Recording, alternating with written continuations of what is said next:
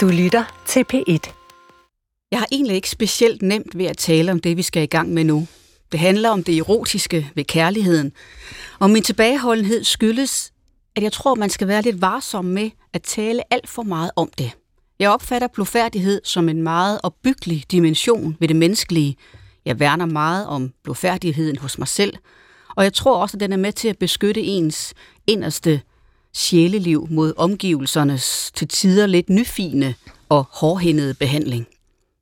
Samtidig ved jeg naturligvis godt, at sex og erotik også har med kærlighed at gøre, og derfor så er der bare ingen vej udenom. Vi skal i dag forholde os til det her i programmet Surine og Kærligheden.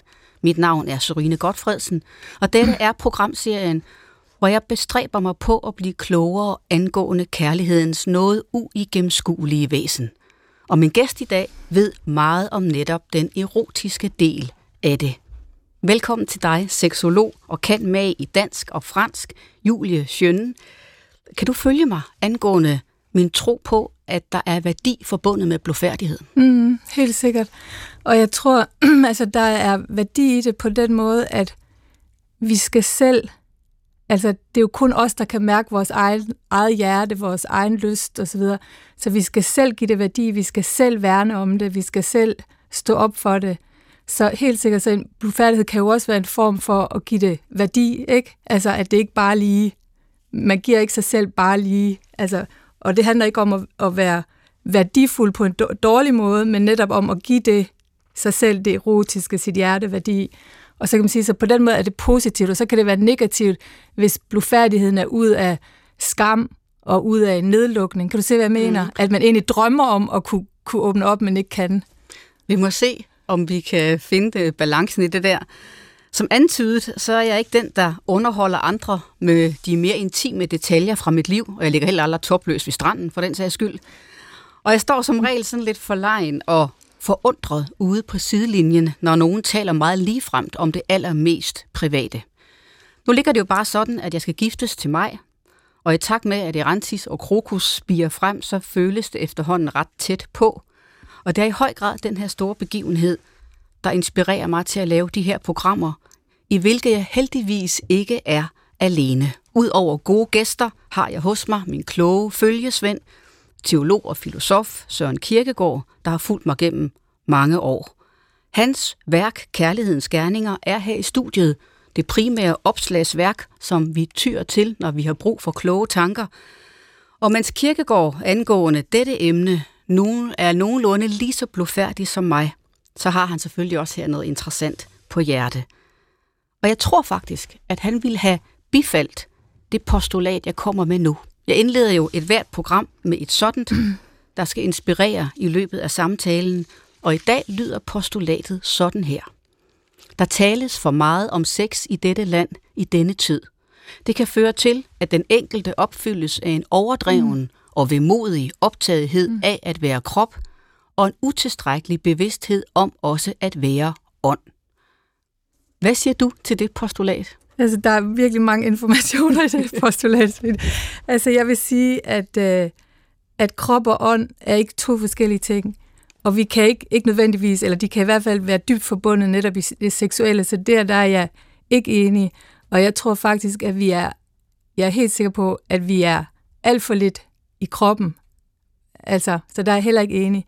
Men jeg er enig i, at vi taler for meget om sex på den måde, at vi taler om det som noget rent funktionelt og noget rent teknisk, hvor det ligesom bare bliver, der er enormt meget prestige i at have sex, og det stresser folk, hvis de ikke har nok sex, og det er et stort tabu og enormt smertefuldt, når ens sexliv ikke fungerer, og det er noget, for folk nærmest ikke kan tale om sammen. Så på den måde er der et problem, og på den måde er jeg enig i, at der bliver talt for meget om sex på den forkerte måde. Jeg er helt enig med dig i, at jeg tror også, at bortset fra ensomhed, som mm. måske ikke er så meget tabu, som det har været, yeah. så er yeah. fravær af sexliv i et menneskes liv noget af det, folk skammer sig allermest over. Det er det.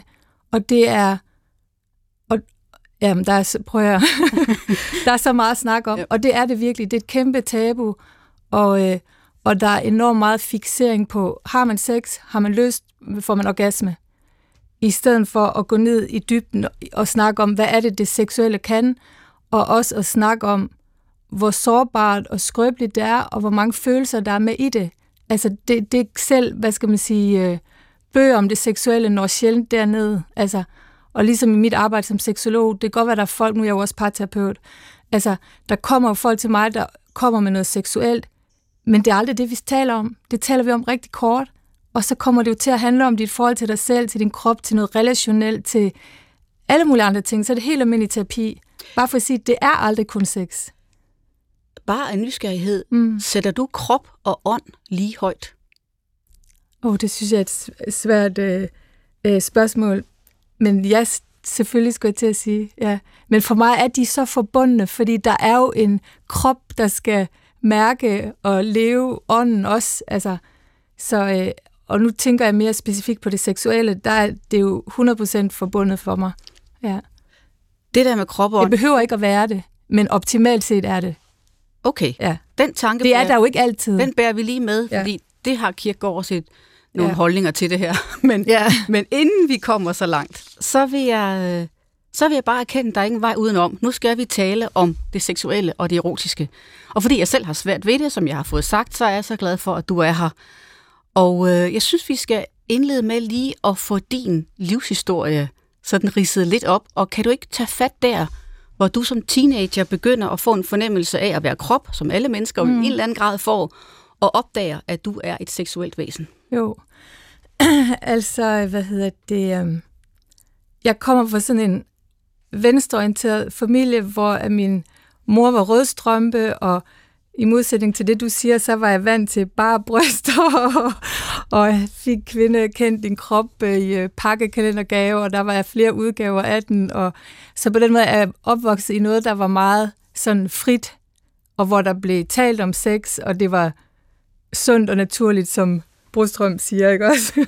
Jo, det gør han jo, ja. så, så, så jeg havde den, øh, hvad skal jeg sige, gave med, at det var sådan frit for mig, ikke? På en måde.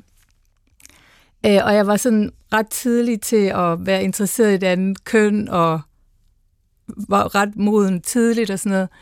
Men så, så, øh, så på en måde så var starten god og let, men prøv at så ind, det, det tager jo 100 år at fortælle mig hele min historie. Nej, men det, og 100 år har vi trods alt ikke, Nej. men vi har tid nok til, Ja, at du ja. lige kan sætte Ja. ord på, at den opvækst, ja. hvor du øh, så oplever den her meget store frimodighed omkring Ja, ja, ja. var det en, øh, var det en, en rar ramme at, at vokse op i? Øh, ja, det synes jeg, det var. Altså, jeg synes også, at det var en øh, ramme, hvor der var meget, øh, altså, øh, ja, livsglæde, og altså, altså, og det er jo derfor, jeg laver det, jeg laver i dag, jeg elsker det, fordi jeg tror på, at den der krop og seksualitet har en masse at byde på. Men nu skal jeg nok fortælle videre. Det, der så skete, det var, at øh, så nogle af de første gange, hvor jeg skulle være, altså have rigtig sex med en mand, ikke? Altså, og der var jeg ikke, jeg ved ikke, hvad var jeg der, 16, 17, også rimelig ung. Øhm, så øh, spændte jeg så meget i skeden, så han ikke kunne trænge op i mig. Og det var jo, hvad skal man sige, øh, altså, det, det gjorde mig jo ked af det, og det var jo ligesom, okay, hvad er nu det her for noget, ikke? Og så jeg tror allerede dengang, at jeg ligesom, ligesom jeg også sagde, når jeg var hurtigt ude til at interessere mig for de ting, så jeg interesserede mig jo for det. Og jeg kunne huske, at jeg gik på biblioteket og lånte bøger og sådan noget, og opdagede, at det var noget, der hedder, hvad man kalder vaginisme. Øhm, og som apropos det der med, at det er tabubelagt at have det svært med det seksuelle. Altså jeg møder jo flere kv- unge kvinder i dag, der lider af det, mm. og det er jo en kæmpe smerte. Altså, og de, og, og hvad hedder det? Men jeg skal lige have det på plads. Når I så ung alder er det ret normalt, er det ikke? Jo, altså jeg ved ikke noget statistik. Altså, og det, der er det vigtige, det er jo det der med igen, som du siger, vi taler for meget om det funktionelle tekniske sex, men vi taler jo ikke så meget om det følelsesmæssige, der er med i det, som jo er årsagen til sådan noget der, ikke? Så, så, øh, så selvom at jeg kom, og jeg var ved lægen og sådan noget, så selvom jeg kom fra en familie, så det var ikke noget, jeg delte og sådan noget, så det var også noget, jeg gik med, som var svært, og som ligesom var, øh, hvornår tør jeg være sammen med en, og kan det lykkes og sådan noget. Men havde du følt dig sådan presset til, at det skulle ske tidligt i dit liv? Nej, slet ikke. Det var helt mit eget, nej, slet, slet ikke. Det var helt mig selv, der bare en naturlig fremdrift. Og, nej, nej, der var slet ikke noget der. Altså, øhm, men så, så efterhånden, så fik jeg ligesom løst den, og det ikke var noget... Jeg kan huske, jeg gik og drømte om, jeg tænkte, ej, jeg glæder mig til den dag, hvor jeg bare kan have sex og være sammen med en mand, uden der er det der issue og den bekymring. Øhm, og den dag kom jo så også. Hvad hedder det? Øh, og så, øh, men så skete der noget, og jeg blev gift og sådan noget, men så skete der noget andet, og jeg tror også, det er det der med lige så kraftfuld og naturlig, som vores seksualitet og vores seksuelle lyst er, hvis vi vel og mærke er i kontakt med vores krop, ikke? og ikke har lukket ned, lige så skrøbelig og følsom og påvirkelig alt muligt psykologisk er den også. Og det er det aspekt, vi aldrig rigtig har med.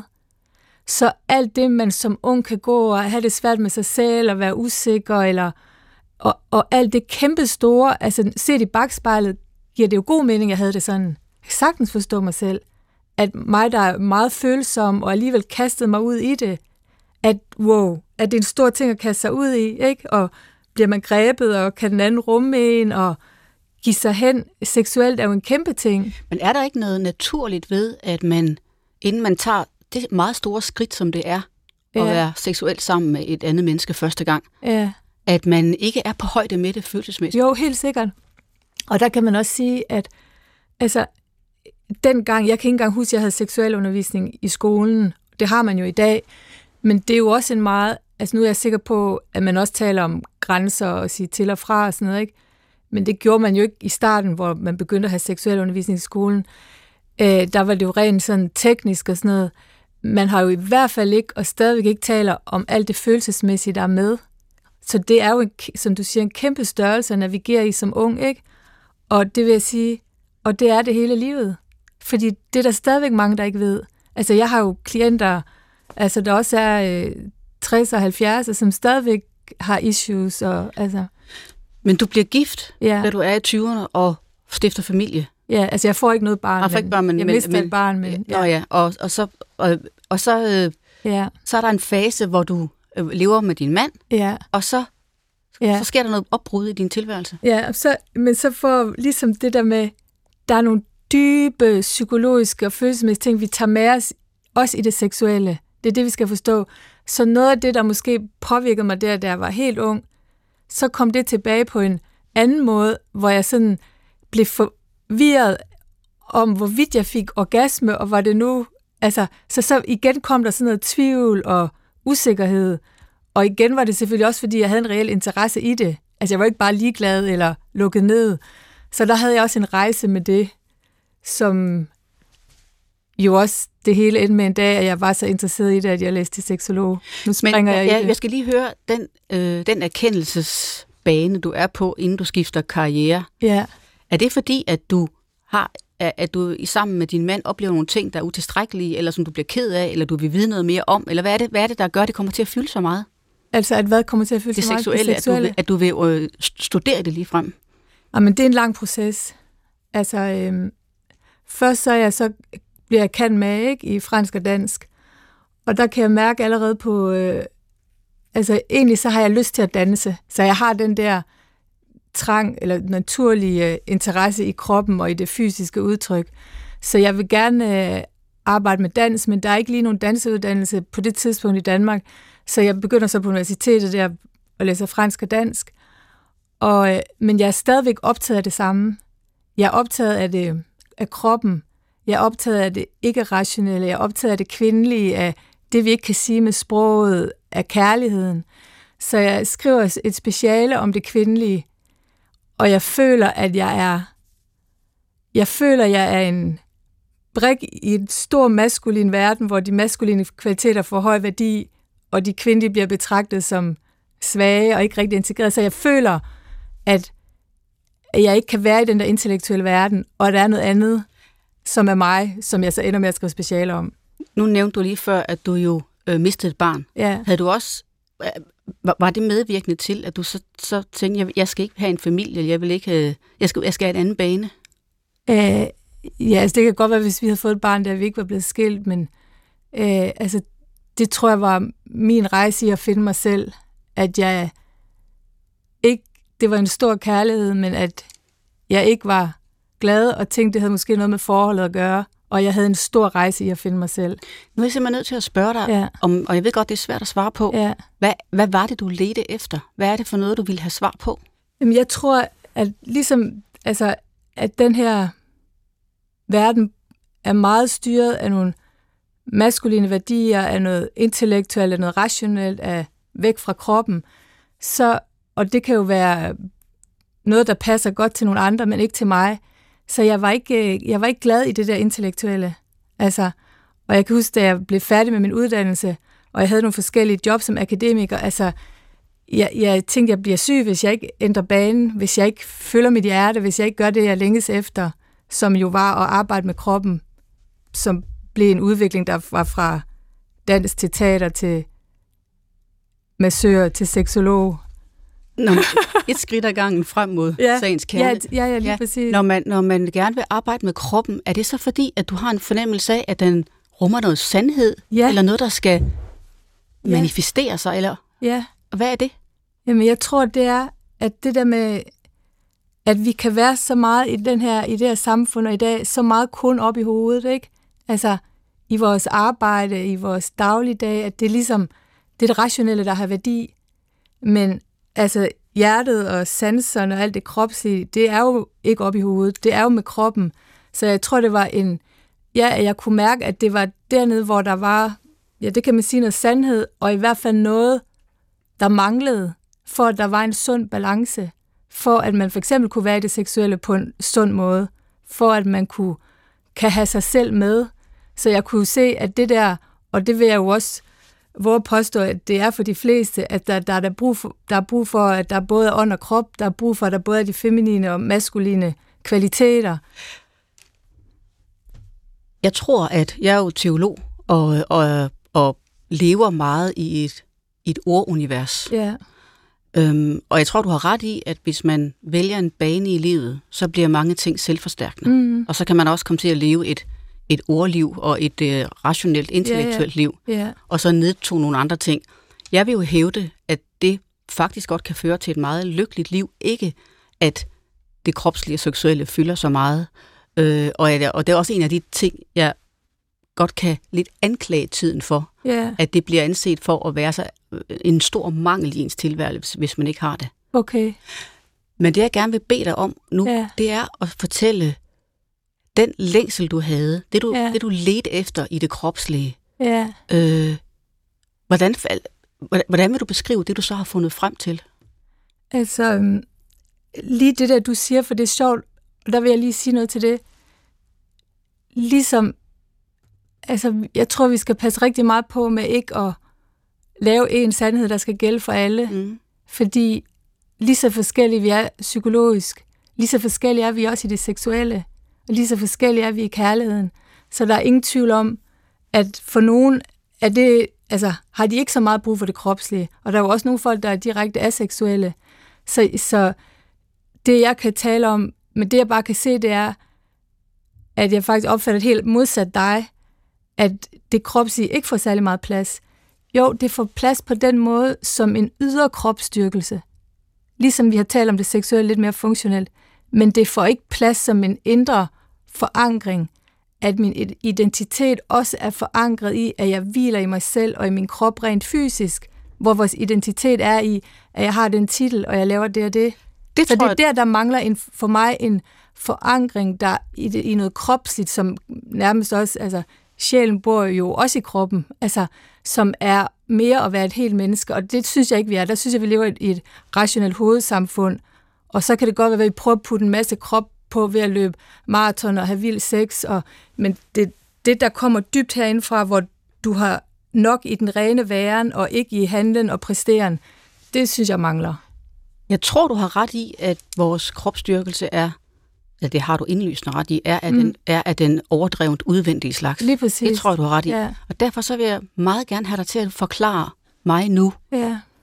hvad er det for en indre forankring, eller Mm. øh, harmoni, hvad man nu Mm. skal kalde det, som du så har fundet frem til. Kan du beskrive den? Mm. Og, og, og selvfølgelig også i relation til det seksuelle. Mm. Det er en forankring, som, hvad kan man sige, en forankring i kroppen selvfølgelig, men en forankring i at hvile i noget, hvor man er længst væk fra sin sociale identitet. Altså tit så hviler vi jo, som jeg sagde før, i vores titel, i vores fag, i vores succes, i vores ydre identitet. Øh, men at hvile i kroppen, det er at hvile i en anden form for væren, også en anden form for sanselighed, ikke? Altså fordi kroppen er jo sansende. Altså man kan også sige, øh, øh, det sensuelle er jo også en, en måde at for, det sanselige er også en måde at integrere og forstå verden på. Ikke? Altså den kan vi jo både forstå rationelt, men vi kan jo også forstå det med vores sanser og vores krop og respondere på verden. Øhm, så hvad, hedder det, hvad var det nu lige det spørgsmål, var Serena? Du, at du kan beskrive, hvordan, du, hvordan det føles, det ja, du nåede frem til. Ja, ja. Men det føles som at hvile i sig selv på en anden måde. Ikke at skulle have en masse ydre ting for at finde værdi. Det føles som at kunne mere hvile i en mere væren i stedet for en gøren. Og så føles det som at have adgang til et sted, for eksempel det seksuelle gennem det kropslige, som igen ikke handler om at skulle præstere, hvor der er meget mere nærvær, væren i nuet, hvor der er leg og humor på en anden måde. Altså, så det er jo et eller andet, der er en modpol til hele mm-hmm. præstationssamfundet, eller hvad man skal kalde det. Men, men hvordan kobler du det på selve det seksuelle? Altså, hvad er det? Hvad skal man gøre? Hvad skal man gøre for hvad? For at opnå den harmoni med sin krop. Jamen, der skal man jo... altså, det vil sige, der må hver enkelt have deres rejse, men det er jo, for mig har det været en lang rejse, ikke? Altså hele min rejse har jo, ligesom du kan høre mine forskellige uddannelser, har været en lang rejse ned i kroppen. Så der vil jeg jo sige, der er det jo forskelligt, hvad, det virker, hvad, altså, hvad der virker, og hvad der skal heales, og hvad der skal forstås. Og, altså, men, øh, men det er jo at starte med, altså hvis man skal sige en konkret og bogstavelig ting, altså komme ud af hovedet og ned i kroppen, begynde at mærke sin krop. Altså for eksempel i det seksuelle kan man sige, der er jo mange, der siger, at det seksuelle, det er også op i hovedet, ikke? Og det er jeg heller ikke enig i rigtigt. Altså fordi, at når du er for eksempel, hvis du kun kan tænde din lyst med en seksuel fantasi, øh, som foregår op i hovedet, så er du ikke i din krop og mærker din sanser, og du er heller ikke nærværende med den anden. Så hvis du går ned af i kroppen, så er du nærværende med dine sanser og mærker dem på en helt anden måde, og du kan være nærværende med den anden. Hvordan kommer jeg ned i kroppen? Det tror jeg, mange mennesker ja. vil gerne vil spørge dig om. Ja, men, men Serine, det er ikke noget quick fix. Og det er heller ikke noget, du lige kan købe. Jeg vil gerne købe den der billet til, eller den der rejse til ned i kroppen. Hvis man nu kom til dig altså, som seksolog og ja. sagde, jeg vil gerne være bedre til at, øh, at være til stede i, i min krop, ja. hvad vil du så gøre? Så vil jeg starte med at høre, ligesom jeg siger, vi er så forskellige ved vores historier, så vil jeg starte med at hvad hedder det, høre personens historie, ligesom du gør med mig nu. Altså jeg vil starte med at finde ud af, hvordan var kropskulturen derhjemme? Blev man krammet? var seksuel, det seksuelle tabu, så vil jeg starte med at hvad hedder det, høre, hvordan personen har det med sin egen krop. Hvordan har det med at være nøgen? Kan jeg lide min krop? Øh, nu siger jeg bare en masse ting, det mm. kunne være mange ting, ikke? Hvordan har jeg det med sex, det seksuelle? Har jeg lukket ned for min seksualitet? For den er jo en kæmpe indgang til at være med sin krop, ikke? Altså, bare det i sig selv at arbejde med det seksuelle og få gjort seksualiteten fri, og der er jo også en masse terapeutisk der, hvorfor har jeg lukket ned? Øhm, og så kunne der være forskellige, altså jeg vil jo arbejde terapeutisk med det, jeg vil finde ud af, hvad, hvad bremser for at kunne være der, og også, hvad er det, hovedet hele tiden jager, eller hvad er det, man hele tiden skal præstere og sådan noget, fordi man kan sige, hvis man er nede i sin krop, så går det hele langsommere. Ikke? Hvad er det? Ved du så, hvad det er, hovedet hele tiden jager? Altså hovedet, det er jo heller ikke kun negativt. Begge dele skal jo være der, ikke? Hvad hedder det? Jamen, jeg tænker, at hovedet jager alt det, som samfundet kræver og altså præstere og levere, og, og så jager det jo også alt det følelsesmæssige, som vi ikke har styr på, som nærer os, som gør os kede af det, som gør os forvirret. Og der, det er jo også en anden side af det i forhold til krop og følelser og hoved. Altså, så er der jo mange, der siger, hvorfor skal vi føle så meget? Og det følelsesmæssigt kan også være sådan lidt tabubelagt, og som om det er sådan noget blødt noget. Lad os nu bare tage os sammen og komme videre og nå målet. Men jeg tror på, at, altså, at altså, at vi bærer alle sammen så mange sår, vi bærer alle sammen så mange forsvarsmekanismer og overlevelsesstrategier, der ødelægger vores relationer og forhindrer os i at leve kærligheden. Og vi, har, vi er jo relationelle mennesker, der har brug for det. Så hvis det ikke fungerer, så kommer vi til at bruge enormt meget energi på det. Og det arbejder hovedet med. Er det det, er det, det, er det det seksuelle og erotiske i et menneskes liv, der kan være med til at helbrede alt det, man har fået ødelagt? Det vil det også kunne. På den rette måde. Det vil jeg være... Altså, sammen med kærligheden. Ikke? Vi healer os i vores... Vi, healer, vi bliver ødelagt i vores relationer fra barndommen. Men, eller delvis, ikke? Eller det er der, vi har sårene fra. Men vi healer også i dem, i vores voksne relationer, hvis vi formår at tage os af det følelsesmæssige. Ikke? Og vi kan også, vi, vi får også sårene i det, de fysiske møder med krænkelser og overgreb og en masse ting. Men det er også der, vi healer. Ja. Nu ved jeg, at du har en, øh, en, en erfaring med, eller også kredser om den her tanke om, at man gennem det seksuelle kan opnå en nærmest, øh, i hvert fald en åndelig oplevelse, mm. eller en slags guddommelig oplevelse. Ja. Kan du ikke forklare, hvad du mener med det? Øhm, altså, det er faktisk, så føler jeg nogle gange, at det åndelige, det spirituelle, det religiøse har rigtig mange ligheder med det seksuelle. Fordi at det er det der rum, hvor vi er igen længst væk fra vores sociale identitet. Det handler ikke om, hvem vi er. Altså, direktøren kan være lige så forbundet til Gud og det åndelige som arbejdsmanden. Øh, og det er det samme med, altså, at ligesom i, i troen og i det religiøse er vi nøgne og, som mennesker, og vi giver os hen. Ikke? Vi overgiver os devotion, vi giver os hen, altså vi forbinder os. Og det er fuldstændig det samme, der sker i det seksuelle. At vi er nøgne i krop og sjæl, når det er bedst. Vi forbinder os til den anden, vi overgiver os, vi hengiver os. Og i det der møde, og det er jo det, der er jo mange spirituelle retninger, der også arbejder med det seksuelle, for eksempel tantra og taoismen og alt muligt. Og i det der møde, der forbinder vi os jo både med noget, noget der ikke skal noget, altså også hvis vi ikke er på den der orgasmejagt, ikke? men selvom orgasmen er med, noget der ikke skal noget, noget der hylder selve livets princip. Altså vi er jo født ud af et, altså vi er jo alle sammen født ud af et seksuelt møde, ikke? Altså som hylder livet. Det øjeblik, du taler om der, ja. hvordan oplever man det? Jeg ved godt, ja. i religiøs forstand, der kan man for eksempel opleve det ved at et øjeblik i kirken, eller ja, ja. en bestemt øh, en bestemt åndelig øh, åndelighed, man modtager eller ja. mærker i sig selv. Hvordan oplever man det seksuelt? Altså det kan man jo igen opleve på rigtig mange måder. Man kan jo opleve det, hvad hedder det, i forbundethed med et andet menneske. Altså hvor man føler, man smelter sammen med et andet menneske. Og man oplever det jo også fordi, at man netop, at det rationelle ikke er med, og at den seksuelle energi åbner kroppen. Og igen, hvis man arbejder med, altså det er jo sex kan være mange ting, ikke? Mm. men på den her måde, altså hvis du, det er jo også det, tantraen gør, arbejder med den for seksuelle energi, og for eksempel ikke bare prøver at skynde sig at få en udløsning, men lader energien stige op, så, så, så, så det kan let blive en slags forbindelse med det større. Altså, har, har, har du prøvet det? Ja, det har jeg prøvet. Kan du beskrive det helt konkret, hvordan ja. det føles? Altså, jeg har prøvet, og jeg har ikke prøvet det mange gange, men så har jeg prøvet varianter af det. Og jeg har jo prøvet forbundetheden altså til et andet menneske altså masser af gange, ikke? ellers? øh, men jeg har prøvet sådan, at jeg følte, at det blev helt religiøst. Og det interessante, og måske ikke overraskende, er, det handlede ikke om, jeg kan nærmest ikke huske, hvad der sådan foregik rent seksuelt, eller hvad vi gjorde, og det havde ikke noget med det at gøre.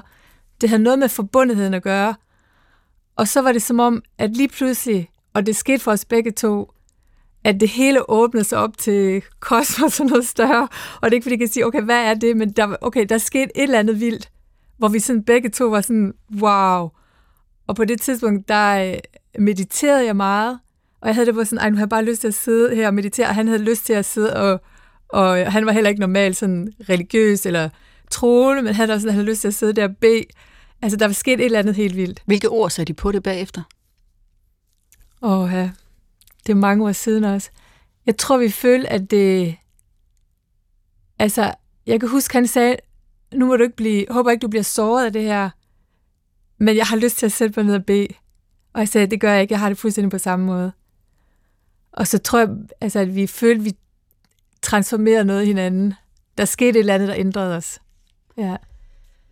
Jeg har ikke jagtet det siden. Forudsætter det der, mm. at det er et menneske, man kender rigtig godt? Det tror jeg ikke, det gør. Men det, fortsæt, altså, det hjælper jo nok på det, fordi det hjælper, at kærligheden er der. Men jeg tror godt, at du kan møde en. Det forudsætter selvfølgelig, at du har dybeste tillid og sympati. Altså, der skal jo ikke være noget af det modsatte. Men det kan du godt have med et, et menneske, du har kendt kortvarigt. Altså, og ikke nødvendigvis kender godt. Og det forudsætter jo en eller anden evne til at overgive sig, og en ja, tur gøre det, og, en, og, og jeg tænker også, der er et eller andet fysisk med, altså fordi at den der seksuelle energi gør så meget, ikke? Altså. Sæt lige nogle ord på, hvorfor det er, du sammenligner det med en religiøs oplevelse. Har du haft sådan en, der ikke var forbundet med sex? Altså, altså jeg, hvad hedder det, um, hvad definerer du som religiøs oplevelse? Det øh, definerer jeg som et øjeblik, hvor det er som om, at man har tager forskud på evigheden. Ja. At man kan mærke, at evigheden strejfer mit liv lige nu. Ja, og, og, og på hvilken måde? Hvordan mærker du så det? Som en som følelse af salighed. Ja. Salighed er det ord, jeg kan komme tættest på. Ja. At man føler sig omgivet af en, ja. en meget kraftig fornemmelse af, at jeg skal aldrig dø. Ja. At noget står stille, ja. og noget er forbundet med noget større. Og det, det, som Kierkegaard vil sige, at ja. evigheden har sit nedslag i tiden. Ja. Altså, at man, man kan mærke, at nu ramte det. Ja, men det tror jeg, at, at hvad hedder det, det tror jeg, mange oplever i det seksuelle rigtig meget. Altså, det tror jeg, og det vil jo også, inden for tantran, det vil man jo også sige, det er det, der sker der. Og der er jo også mange, altså for eksempel, jeg tror også der i, øh, hvad hedder det, at Sokrates i den her symposion siger, at at øh, det erotiske fører til et åndeligt indsigt. Altså, det er der jo også meget, altså, der, det er der jo, det er der måske ikke i kristendommen, det er jo så også interessant, altså, hvordan er det med kristendommen og, og det erotiske, men, men, men i mange traditioner er der jo den forbindelse. Altså, det er jo ikke noget, jeg lige sidder og finder på. Derfor kan jeg lige citere noget for dig. Nu spørger ja. du, hvordan, har, hvordan er det med det erotiske og kristendommen? Ja. Altså, siger Kirkegård, i kærlighedens gerninger. Mm. Det selvkærlige er det sanselige. Just derfor er det, at kristendommen har mistanke til elskov og venskab, fordi forkærlighed i lidenskab eller lidenskabelig forkærlighed egentlig er en anden form af selvkærlighed. Om når Kierkegaard siger forkærlighed, ja. så mener han, at ens følelser eller opmærksomhed er rettet mod et menneske, som man har lyst til at være sammen med. Ja, ja. Hvor han jo hele tiden kredser om, at man er nødt til at kunne lære at rette sin omsorg ud mod en, man ikke umiddelbart har lyst til at være sammen med. Derfor sætter han tit elskov og venskab i samme kasse, okay. fordi det er mennesker, man selv vælger. Ja, ja, ja. Derfor er kristendommen, siger han, har den en mistanke over for det sanselige og over for elskov, fordi der drages man mod en, man i forvejen har lyst til at være sammen med. Ja. Derfor har kan man sige, delvis derfor, kan kristendommen have en, en ambivalent tilgang til elskov, fordi den også rummer noget selvisk. Fordi den rummer noget selvisk? Ja. ja. Er du enig med ham i det? Men den behøver ikke at rumme noget selvisk. Altså, nu har jeg lige lyst til at sige noget, Søine, som er mega vigtigt, og det er, at når vi taler om det seksuelle, så kan vi tale i virkeligheden i øst og vest.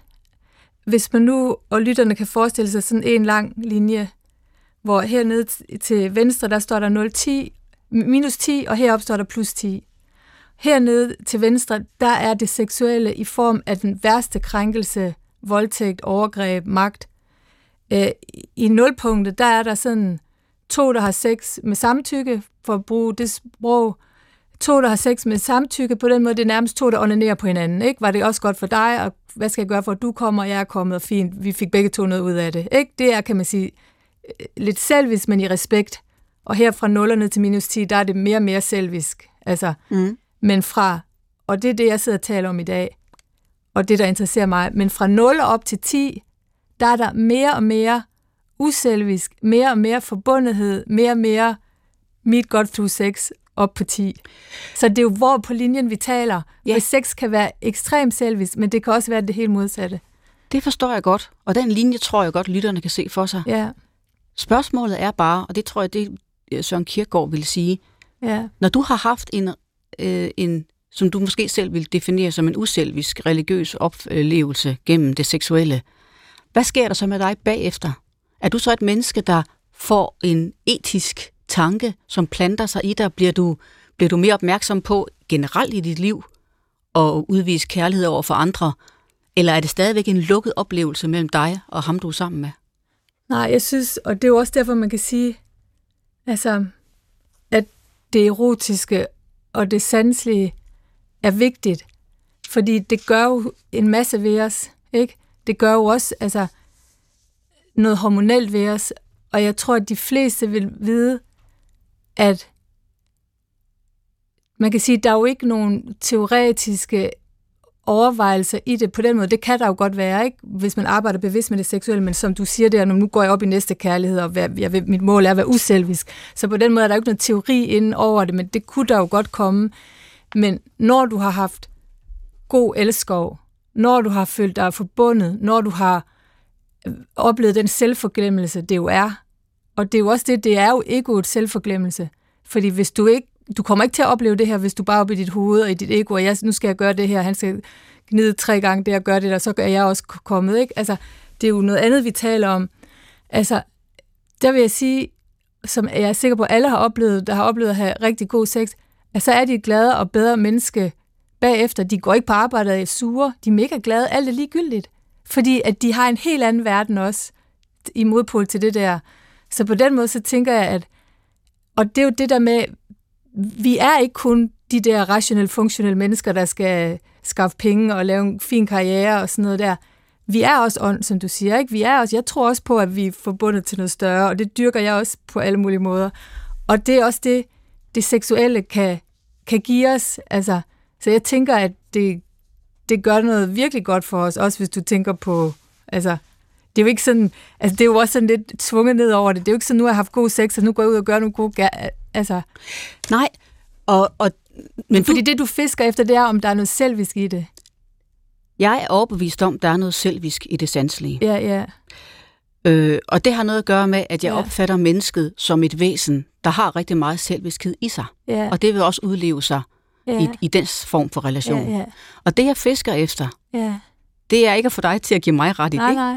Men det er at finde ud af, om du tror på, at der gennem det seksuelle og det erotiske er sådan en slags etisk strøm, som man faktisk ved at have et, et øh, meget godt og vellykket sexliv, bliver, bliver et etisk bedre menneske.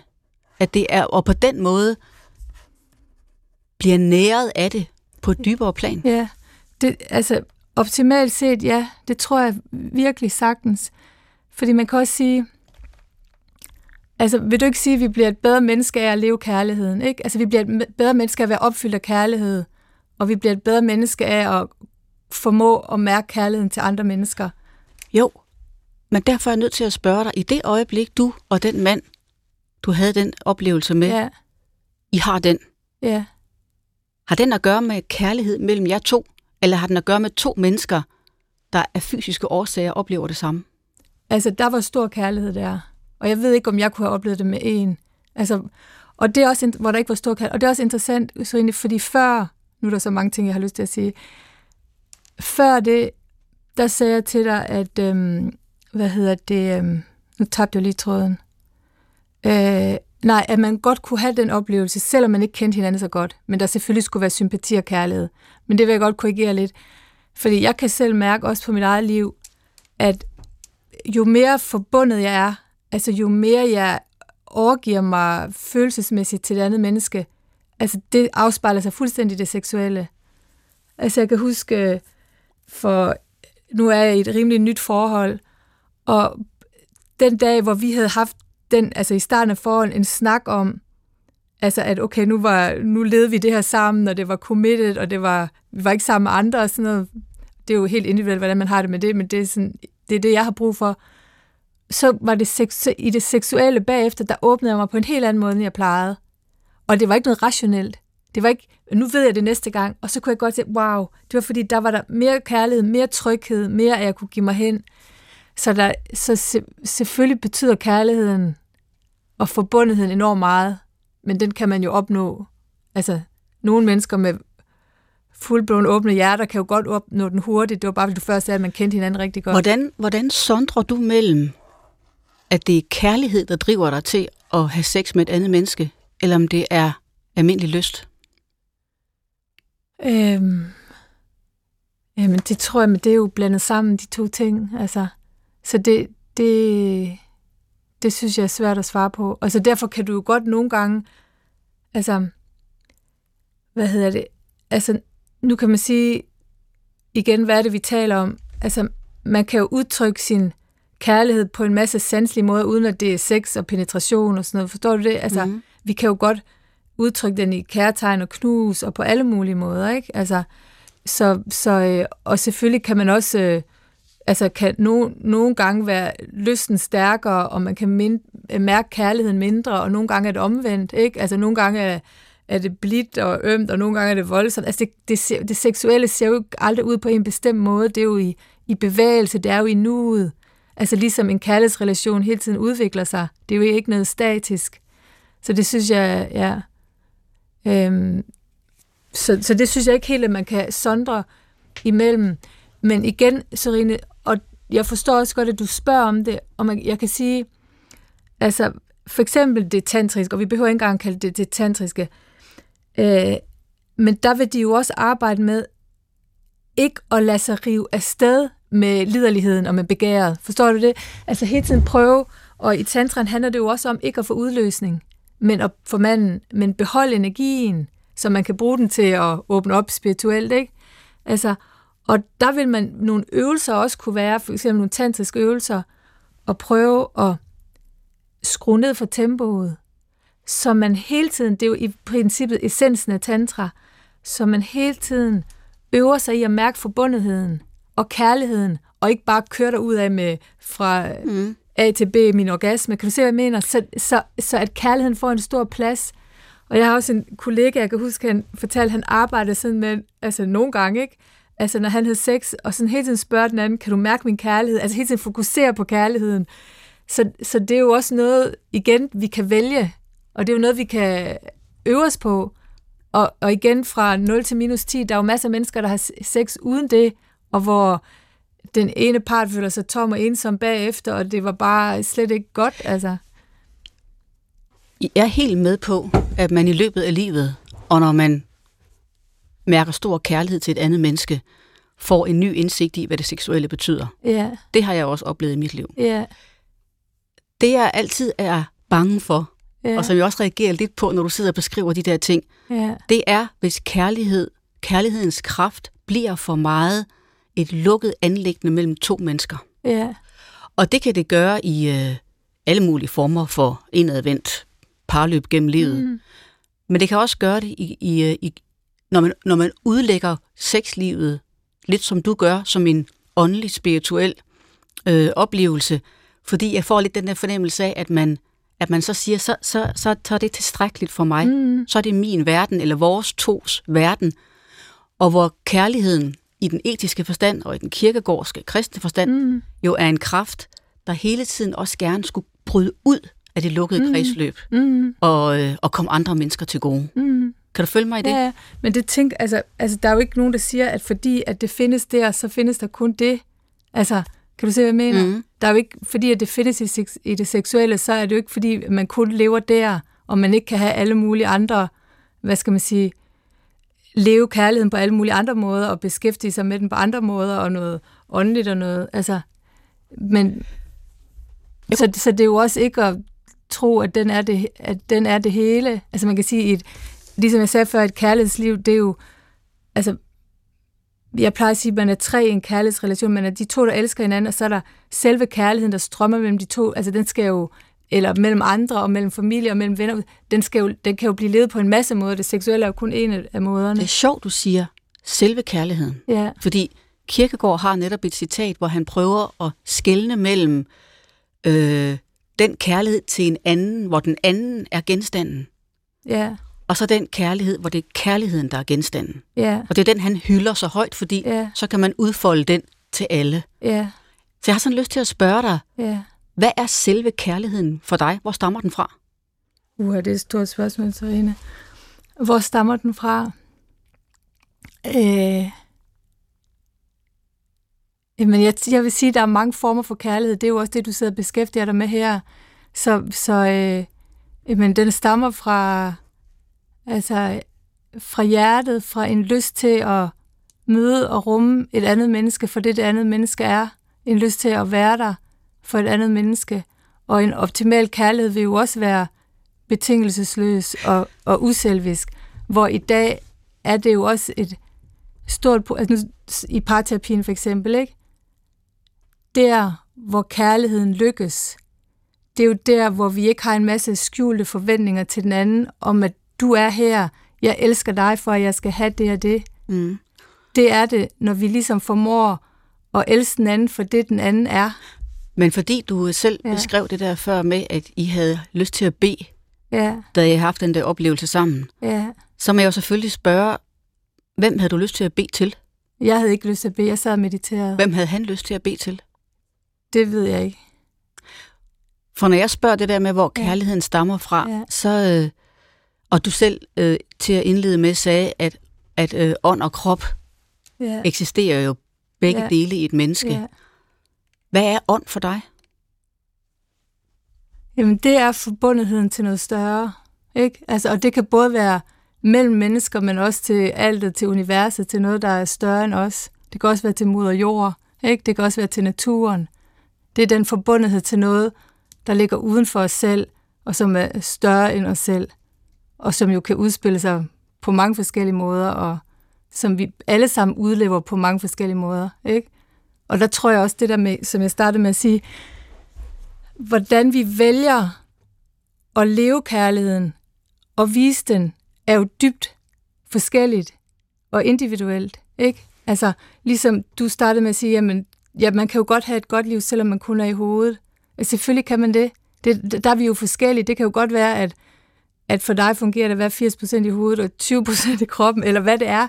Og, og, altså, og det er jo det, vi hele tiden skal huske. Så hvordan vi udlever den kærlighed, det er jo fuldstændig individuelt. Ikke? Så det er igen det er ikke at lave, øh, lave en sandhed. Altså. Ja. Øhm, nu sagde du til at indlede med os, eller i starten her, at, øhm, at det er en forkert fokusering, vi har på sex. Ja. I måden, vi taler om sex og krop på. Ja.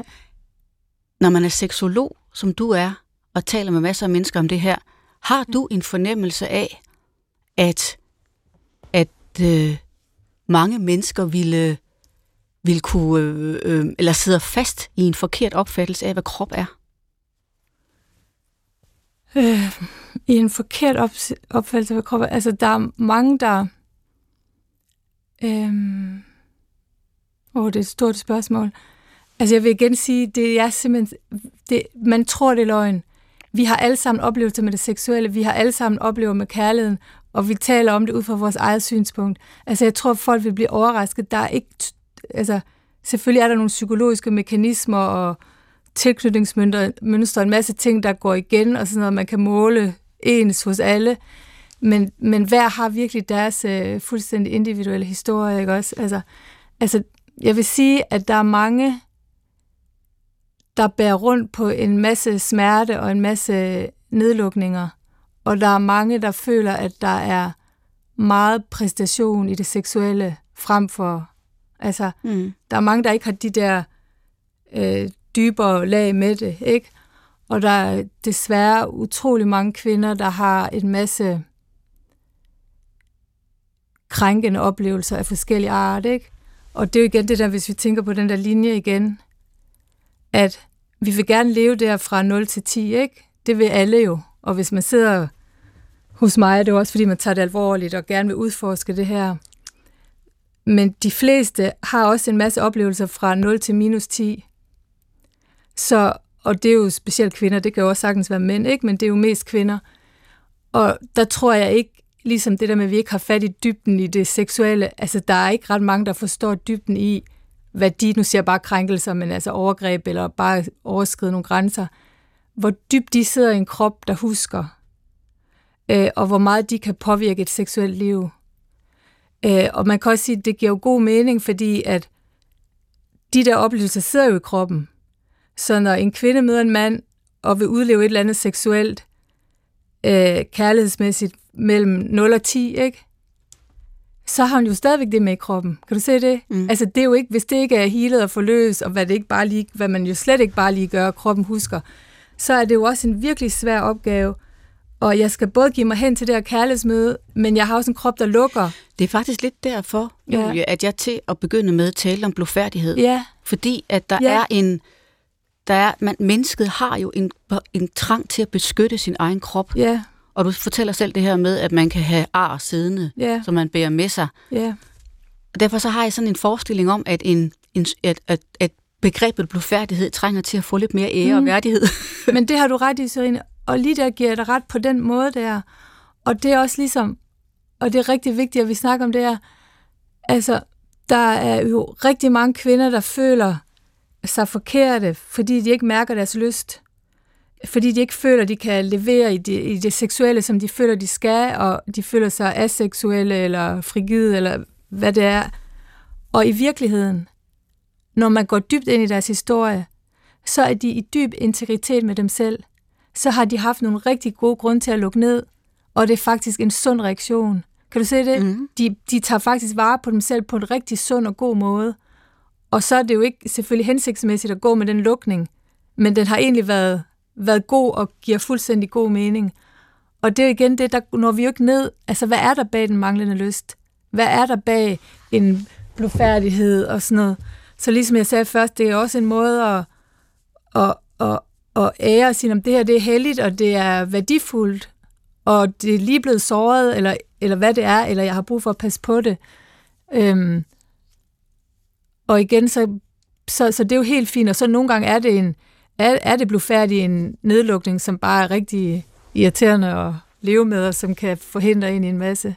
Men jeg, jeg, jeg, jeg holder meget af det der øjeblik fra, fra syndefaldsberetningen i det gamle testamente, hvor Adam og Eva har spist af kundskabens træ, Ja, og det første, de opdager, er, Ja. at de ikke har noget tøj på. ja, Altså nøgenheden er jo det første, som, som det indadvendte blik falder over, og så skammer de sig. Før vidste de ikke, og var bare som Ja. sovløse skabninger. Nu opdager de, at de nøgne og bliver forlegne. ja, Og den forlegenhed, som jeg tror, alle mennesker bærer med sig, ja, som en kerne indeni, at man vil gerne beskytte sit læme og sin blottethed, ja, den er jo blevet i den moderne øh, udvikling, kan man sige, tit blevet hånet og grinet af, at vi har den forlegenhed. Men tror du ikke også, at mennesket har en kerne af forlegenhed over sin egen krop, som vi bærer med os? Altså, øh, åh, det er svært igen. Det er, så- tingene er jo altid meget mere nuanceret. Altså, måske, og så umiddelbart, umiddelbart nej. Altså, jeg tror, at hvis, hvis der ikke er, altså, det, kan man, det er jo så også en lang og interessant snak, hvor kommer alle de der nedlukninger fra? Altså, hvis der ikke var, øh, altså, hvis jeg skal give et svar, så er det nej. Fordi vores krop er naturlig. Ikke? Altså, vi er, vi er født ud af, vi er skabt ud af et seksuelt møde. Altså, det er naturligt, så jeg tror på, at altså, nu er jeg jo også et produkt af, af det, jeg lige fortalte i starten. Men nej, jeg tror på, at der er så meget frihed og glæde, og at, at meget forlegenhed er nedlukninger. Men, og det vil jeg lige sige, men fordi vi lever i et samfund, hvor tit kvindekroppen har fået så lidt værdi og har oplevet de krænkelser, jeg gør, øh, den har og den gør, så giver det så god mening, at der er den blufærdighed og den passen på sig selv. Men ikke ud af noget, ikke ud af noget moralsk, og ikke ud- ud af noget iboende. Okay. Fordi der tror jeg, at den er 100% fri, og kan blive endnu friere, end den er. At der er masser, altså, altså vi har alle sammen nedlukninger, altså vi kan alle sammen, selvom vi ikke har personligt har oplevet nogle krænkelser, så er vi påvirket af alt det, der kommer fra det kollektive. Og, altså, så, For en gang skyld, Julie, så kan jeg mærke, at vi ikke helt når at få samlet postulatet op, men øh, vi har også været så meget inde på det, Ja. at der bliver talt måske for meget om sex på den forkerte måde. ja, Hvad vi er nok ikke helt enige om, hvad, øh, i øvrigt om postulatet øh, holder eller ej. Men jeg vil i hvert fald sige tusind tak til dig, fordi du øh, var med her i dag og kom på besøg i Surine og Kærligheden. Det er mig, der tilrettelægger programmet sammen med min producer Mikkel Clausen, som også sidder og styrer knapperne. Redaktør var Christoffer Emil Brun, og vi er tilbage om en uge med nye tanker om den inderligt mystiske kærlighed. Tak fordi I lytter med.